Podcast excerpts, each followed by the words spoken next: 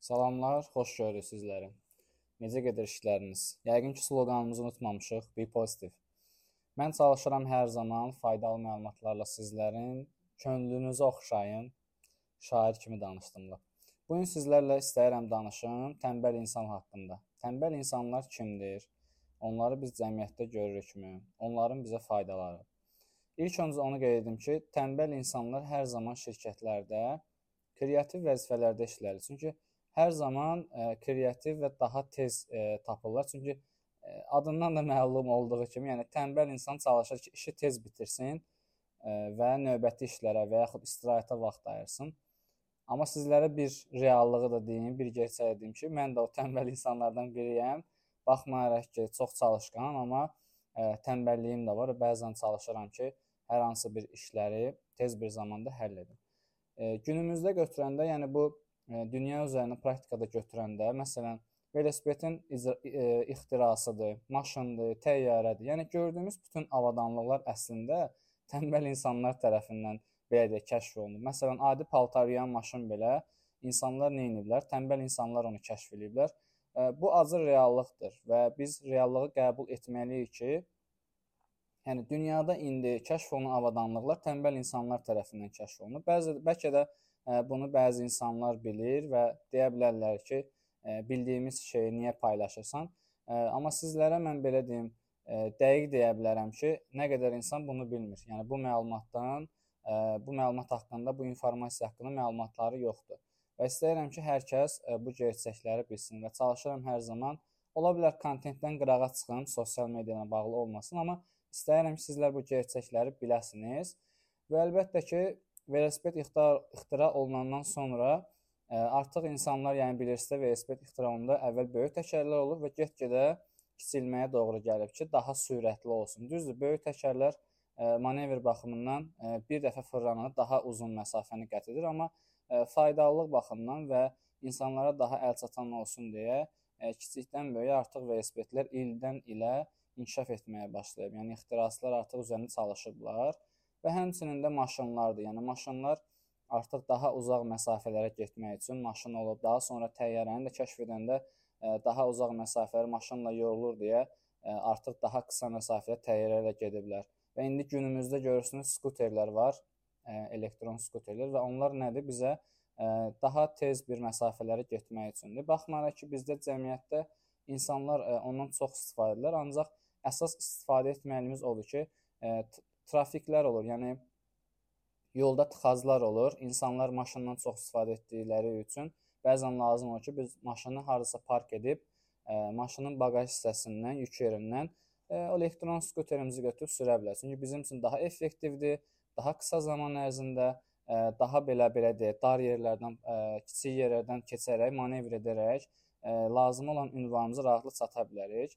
Yəni onu demək istəyirəm ki, yəni günümüzdə olan hər bir avadanlıq, ə, e, məsələn, televizorun özüdür və yaxud telefonların özüdür. Çünki telefonla biz yox hal-hazırda radionu qulaq asa bilərik, istədiklərimizi edə bilərik və əlbəttə ki, bunlar da ilbəil olub. Əvvəl radio olub, aparatlar, daha sonra telefon olub. Telefonlar daha da müasirləşib. Gördüyünüz kimi ə, e, əvvəl telefonla ə, e, danışmaq çox çətin idi, amma indiki zamanda görürsünüz WhatsApp-la hətta video zəng belə etmək olur. Yəni Bunların hamısını əslində edən insanlar tənbəl insanlardır.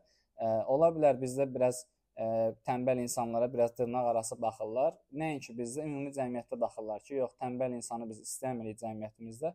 Amma əfsuslar olsun ki, bizim ə, biz yox, ümumilikdə şirkətlərin ə, kreativ və deyərdim ki, çox kritik yerlərində tənbəl insanlar oturur və onlar marketinq baxımından da, ümumən də istehsalat baxımından da daha əlverişli, daha insanlara əlçatan olan e, qısa yolları tapırlar. İndi indi mən sizə öz həyatımda baş verən və e, mənim tənbəl kimi nələr etmişəm o haqqda danışacağam. Çünki mən bundan çəkinmirəm və istəyirəm ki, e, sizlərə öz həyatımdan qısa bir danışıqlar edim. Mən ibtidai sinifdə oxuyarkən, müəllim deməli oxu dərsini danışarkən mən həmin müəllimin dediklərini yaddaşa yazırdım və növbəti gündə müəllimə danışırdım. Müəllim mənə 5 plus, 5 bayraq, 5 güllə yazırdı. Və bu proses 3-6 e, ay davam etdi. Nəhayət ki, mənim valideynimi görəndə və sual verdi ki, Ələmdar afərin, Ələmdar yaxşı danışır dərsləri. və mənim valideyn bilir ki, bəs o həmin dərs, oxu dərsini evdə oxumur. Və müəllim belə təəccüb baxandan sonra mən etiraf elədim ki, müəllimin dediklərini mən kopya edib beynimdə saxlayırdım və növbəti gün müəllimə danışırdım müəllim bir tərəfdən məni danladı falan ki, yəni niyə belə edirsən, amma gerçək bu idi ki, mən onun dediklərini olduğu kimi kopya edib özünə qaytarırdım və bir növ müəllimdə qıcıq yaratdı ki, yəni mənə neçə vaxtı aldadırmışam. Amma mən də indi fikirləşirəm ki, əslində bu tənbəl insanların etdiyi prosesdir. Yəni ə, oxu dərsini, lazım məlumatları mən oxuyuramsa, ehtiyac yoxdur ki, onu təzədən oxuyum, gedim müəllimə təzədən danışım. Zaten mən bunu oxuyuramsa, artıq həmin dərsi başa düşmüş kimi oluram.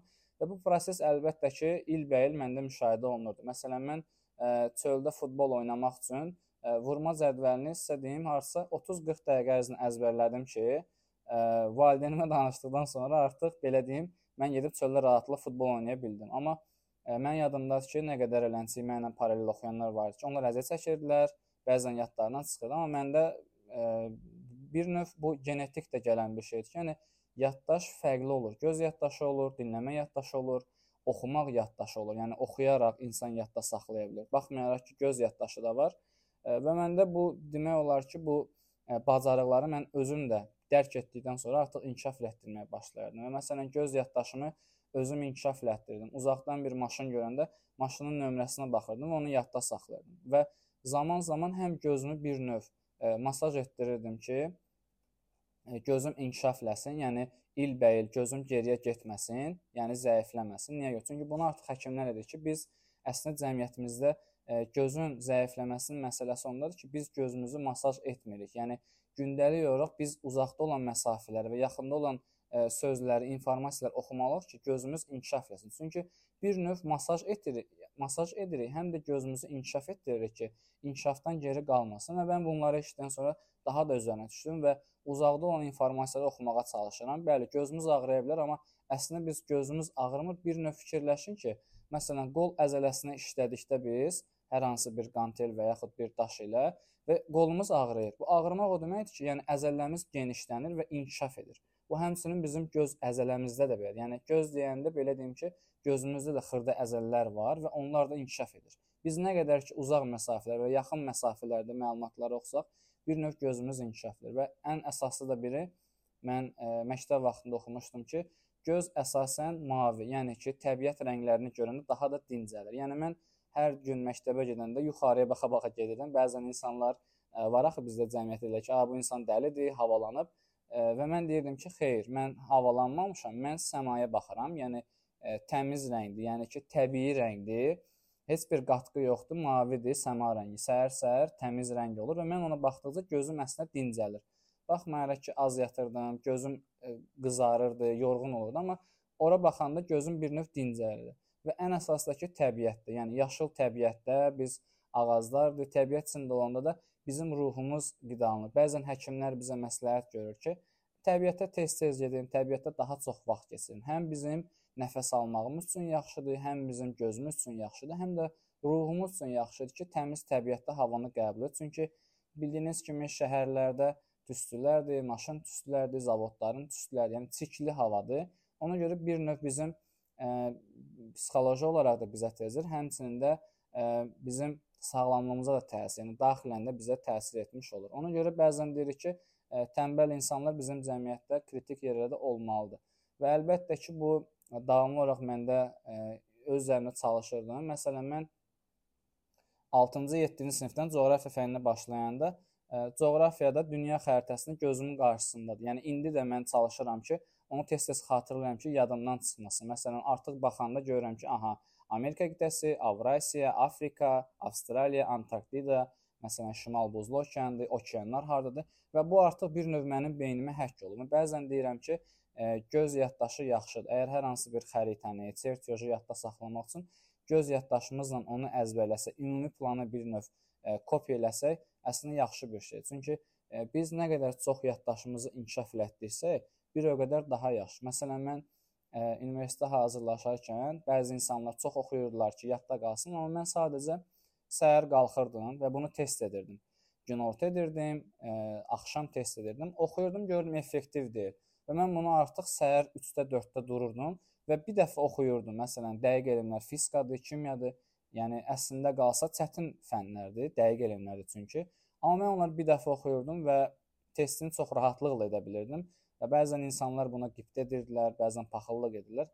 Əslində burada məsələ odur ki, biz hər hansı bir yaşımızda o yaddaşı tapmalıyıq. Ona görə biz övladlarımızın və gənclərin böyütməsi, böyüməsində bu nüanslara diqqət etməliyik. Yaddaşdır və yaxud həmin insan tənbəlsə biz ona deməməliyik ki, yox sən gəl ə, normal ol günə, yəni tənbəl olmaqla.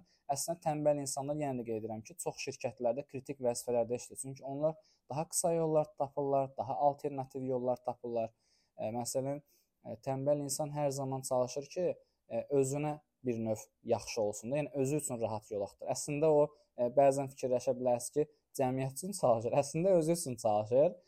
Özünə rahat yol tapır ki, okey, mənə rahat olsun, tez çatım, əlverişli olsun. Amma ümumilikdə o cəmiyyətə xeyir vermiş olur. Yəni bayaq da qeyd etdim ki, texnologiyanın inkişafını bu bizə əlbəttə ki, göstərir və bəzən mən bunu işdə də tətbiq edirəm. Çalışıram ki, daha tənbəl, daha adekvat və tez yollarla özüm üçün hər hansı bir yol tapım və görürəm ki, onu tapdıqdan sonra çalışıram insanlara bunu paylaşım, bölüşüm ki, insanlar da bu məlumatları bilsin. Çünki bəzən insanlara şok effekti, "Vau, bu nə idi? Hardan tapdın məlumatı?" belə deyirlər. Çünki yenə qeyd edirəm, tənbəl insanlar hər zaman kreativdirlər. Yəni bunu bir növ ə, özümü tərifləmək kimi çıxa bilər, amma ə, mən bəzən bəzi insanlar tənbəllik xüsusiyyətinə görə ə, cəmiyyətdə sıxılırlar, insanlar sıxılırlar sözlərlə, psixoloji olaraq manipulyasiya edirlər ki, okey, sən tənbəl insansan, biz tənbəl insan istəmirik, amma ə, e, tənbəl insanlar hər zaman kreativ fikirlər olur, yeniliklər gətirirlər, daha ə, e, tez həll yol tapır. Məsələn, 1000 nəfər işçi var, 1000 nəfər işçiyə məlumat göndərmək lazım. Tənbəl insan deyir ki, deyəcək, okey, e-mail yaz, WhatsApp-la məsələn mesaj göndər, amma ə, e, bunu normal olaraq insanlar əvvəl fikirləşmirlər, amma müasir zamanda yeniliklər gətirən insanlar ə, tənbəl insandır. Bunu zaten biz qəbul etməliyik və Bu əlbəttə ki, məndə e, universitet vaxtlarında baş verirdi. E, məsələn, dərsi yolda oxuyurdum və bir dəfə oxuyurdum, artıq dərsi bilirdim və yaxud vaxtım olmurdu evdə oxumağa. E, bunu gəlib e, dərsdə oxuyub danışaraq qiymət ala bilirdim. Yəni çünki əsas məsələ o idi ki, e, lazımi informasiyaları tez bir zamanda kopya edirsən və lazımi informasiya ötürmüş olursan. Ona görə e, yaddaş çox vacibdir. Məsələn, mən e, rəqəmləri yadda saxlayırdım. Bəzən mənə yorucu gəlir, tənbəllik elirdim. Məsələn, bax sizə bir şey deyim. Bəzən insanlar olur, bizdə də olur, hər hansı bir insanı görəndə və yaxud hər hansı bir şeyə görəndə deyir ki, ayda bu mənə nəsə tanışdır, mən bu sözü tez-tez istifadə edirəm. Və yaxud qonşunu görəndə, kimsə görəndə deyir ki, ayda mən bu insanı tanıyıram, amma adı yadımdan çıxıb. Bax bu bir növ tənbəl insanlar üçün onlar bir növ yaddaşlarında həmin məlumatları bir növ ə, bir artıq məlumat kimi nəzərdə saxlayır. Yəni gündəlik gördüyü insanları daha yaxşı yadda saxlayırlar. Amma çox nadir hallarda gördükləri insanların adlarını yaddan çıxarırlar. Məndə də belə bir hal var. Çox nadir hallarda yox, çox tez-tez baş verir. Bəzən uzun müddət görmədiyim insanları görəndə bəzən adlarını yaddan çıxardıram, harda işləyirlərini yaddan çıxardıram. Əslində bu insanlarda bir növ demotivə yaradır, neqativ yaradır ki, ayda mən necə mən yəni yaşım artıb ki, mən yadda saxlamam. Əslində bu o deyil. Bu bir növ bizim şuuraltımızdır ki, biz şuuraltına yeridirik ki, okey, mən bu insanı tanımaq istəmirəm və yaxud harda işləyir, yəni onun haqqında olan məlumatları istəmirəm. Niyə görə? Çünki e, bizim beynimizdə 4 milyondan çox hüceyrələr var, balaca belə deyim, top şəklində və hər bir topa bir növ məlumatlar yığılır. Yəni yaddaşımızdır bir növ.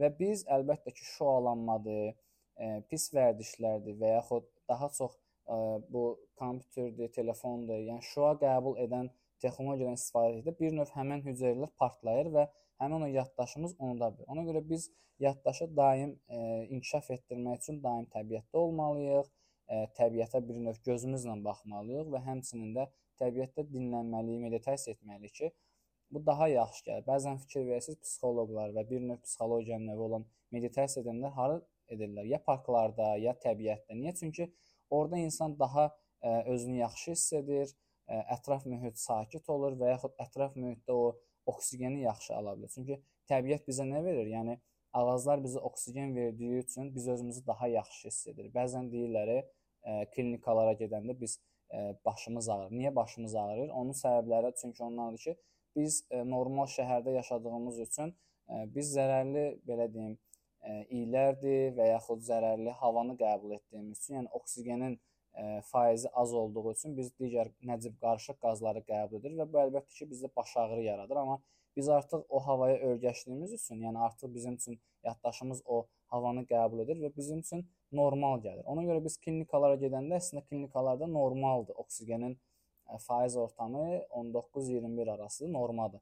Və o normanı biz qəbul etdiyimiz üçün bir növ bizdə baş ağrı olur. Məndə bu tez-tez olur, çünki ə, bəzən deyirlər cəmiyyətdə metro həssas insanlar bu tez-tez baş verib. Ona görə bu əslində biz klinikalara gedəndə əslində pis deyil, yaxşıdır. Çünki bir növ insanlar deyir ki, "Yox, mən klinikaya getdim, başım ağrıdı, orada nəsə havaya dərman vururlar, nə edirlər?" Əslində bu belə deyil. Əslində onlar oksigenin ə, normada saxlamağa çalışır. Yəni oksigenin faizi 19-21% olmalıdır normalda və ə, onu saxlayırlar ki, insanlar ə, özlərini yaxşı hiss etsinlər, amma biz əlbəttə ki, bu havanın da həmçinin bu süni olaraq yaranılır, amma təbii olaraq biz əgər özümüzü yaxşı hiss etmək istəyiriksə, biz təbiətə çıxmalıyıq. Mən bunu öz həyatıma tətbiq edirəm təbiətə gedirəm, parklara gedirəm, sakit yer axtarıram. Çünki bir növ fikirlərim dincəlir. Məsəl üçün mən kontentləri taparkən mənə çox rahat gəlir. Parklara gedirəm, rayona gedirəm və yaxud büdcəniz əl verirsə xaricə də gedə bilərsiniz, amma çalışın şəhərə çox az hallarda gedin, 1-2 gün şəhərdə keçirin.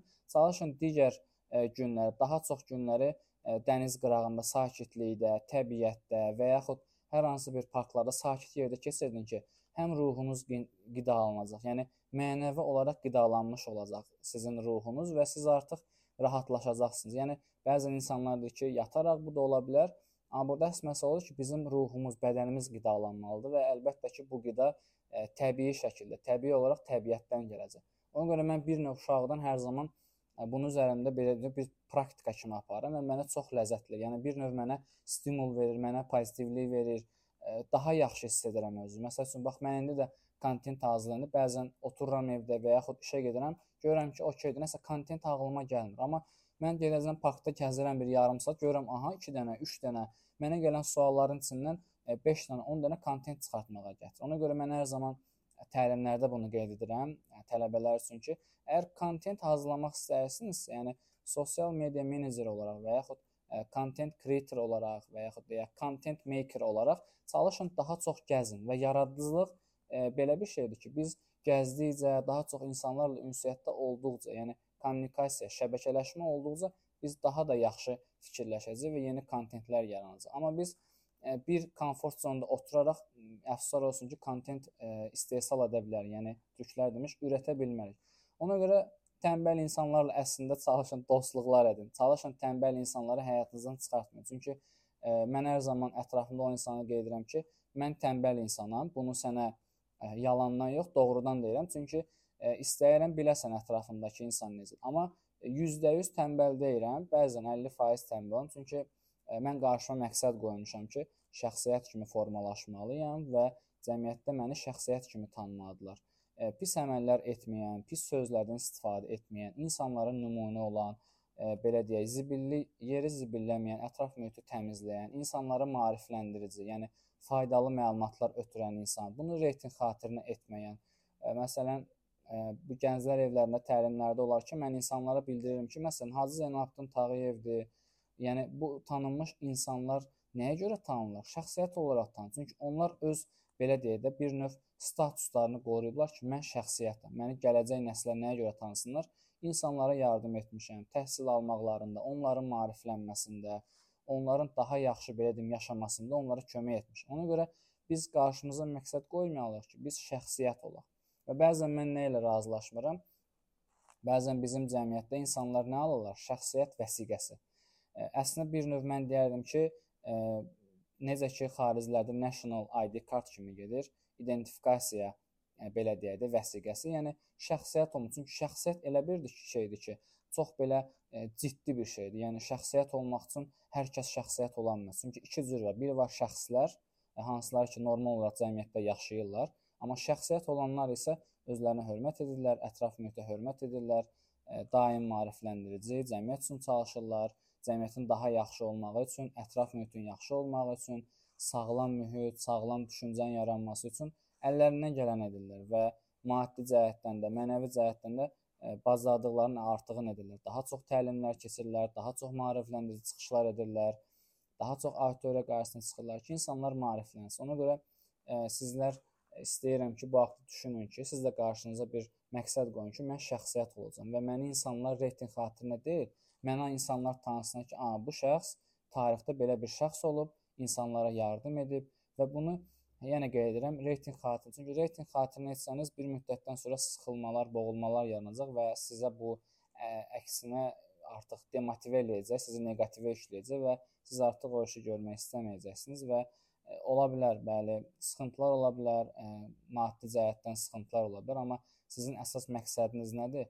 İnsanları maarifləndirmək və şəxsiyyət olaraq formalaşmaq. Çünki şəxsiyyət çox ağırdır. Yəni hər kəs şəxsiyyət ola bilməz. Ona görə hər zaman deyirəm ki, şəxsiyyət vəsiqəsi əslində hər kəsə verilməməlidir. Çünki insanlar bunu dərk etmirlər. Əşi bu gün yaşayım, sabah nə olar?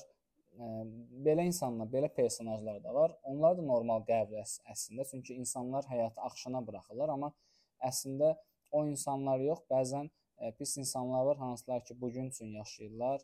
Məsələn, mən məsləhət görmürəm, insanlar bu poz qazandı, lotereyalardır, qoşulurlar ora və əslində onları mənfiyə yükləyir. Çünki bir növ onlar inanırlar ki, 10 min, 100 min, 1 milyon pul qazanacaqlar, amma əslində orada qazanc yoxdur və ə, səhv etmirəmsə, əvvəlki podkastda da qeyd etmişim ki, dünya üzərindən statistikanı ə, çıxardıblar, hansılar ki, ə, lotereya yarışlarından məbləğ qazanan şəxslər haqqında və %90%-dən yuxarı onlar o pulu xərcləyə bilmirlər. Çünki həmin insanlar o pulu belə deyim də real həyatda qazanmayıblar deyə və onu necə xərcləmək lazımdır, hara xərcləyim, hara yatırım edim, onu bilmirlər.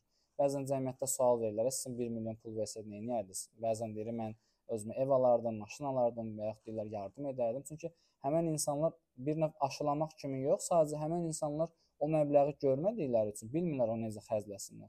Ona görə də bunu daha çox ABŞ-da araşdırmalar etmişlər ki, həmin insanlar içki içiblər, ə, e, ailəsini unudublar ki, tək mən yaşayacağam. Bu 1 milyon mənə qismət olub, mən yaşayacağam bu pulla və ə, e, ya içkidən ölür və yaxud ə, e, pis ə, narkotik falan qəbul edib ondan dünyasını dəyişir və o pul itir, ya oğurlanır və yaxud ə, qohumları ilə əlaqəni kəsib pulu xərcləyir. Məsələn 10 min qazanıb pulu xərcləyir, daha sonra isə ə, pis vəziyyətdə düşür çöllərdə yaşayır və qohumlar da onu qəbul etmir. Çünki qohumlara vaxtında qiymət vermir, onlardan uzaqlaşır və özünə pis təsir. Ona görə elə pis vərdişlərdən uzaq olmaq sizə məsləhət görürəm. Yəni zərərli içkilərdir, enerji içkilərdir. Yəni bunlar sizə əfsər olsun şuuraltı yedilmiş bir şeydir. Məsələn mən vaxt vardı ki, şokolad yeməyəndə, biraz şirniyyat yeməyəndə özümü biraz pis hiss edirdim və özümə şuuraltı necə yerimişdisə mənə, yəni şirniyyat yeməsəm mənim başım ağrıyacaq. Amma əslində olan bunun şuuraltıdır. Və mən artıq onu özümə yer etdim ki, okey, mən şirniyyat yeməyəcəm. Və artıq 10 aydan çoxdur ki, mən şirniyyat yemirəm. Çox nadir hallarda, yəni bəzən deyirlər o e, ki, e, arada lazımdır. Niyə? Çünki bədənin də tələbi var və mən çalışıram bunu çox az hallarda, həftədə bir dəfə, iki həftədə bir dəfə e, balaca bir şokolad yeyirəm və onu gəzərək həmin o kalorini itirirəm ki, yəni o mənə ə, zərərli vərdiş kimi belə deyə də bədənimə hopmasın. Çünki Çox özümü yüngül hiss edirəm, rahat hiss edirəm, qazlı içkilərdən belə uzağam və bu mənim həyatımda çox e, müsbət rol oynayır. E, ümid edirəm podkast sizlər üçün faydalı oldu. E, çalışın ətrafınızda tənbəl insanlar olsun, çünki sizə %100 qaranti verirəm ki, tənbəl insanlar sizə çox kömək edəcək. Bəzən ola bilər ki, hər hansı bir iş qurmaq istəyirsiniz. Tənbəl insan sizə lazımi metodikalar deyə bilər ki, bax bunları etkindən sən biznesini qura bilərsən və ya hər hansı bir iş görmək istəyirsən, orada sənə daha adekvat, daha belə o bəzən xaricdədir ki, easy job, easy job, yəni sənə daha asan işi tapacaq. Bax sən bunu etsən, sənin biznesinə bu uğurlu ola bilər. Sizlərə uğurlar arzulayıram. Əgər ə, e, fikirləriniz olarsa, Instagramda bu haqqda post paylaşacağam. Orada rəyinizi yaza bilərsiniz. Dinlədiyiniz üçün təşəkkür edirəm.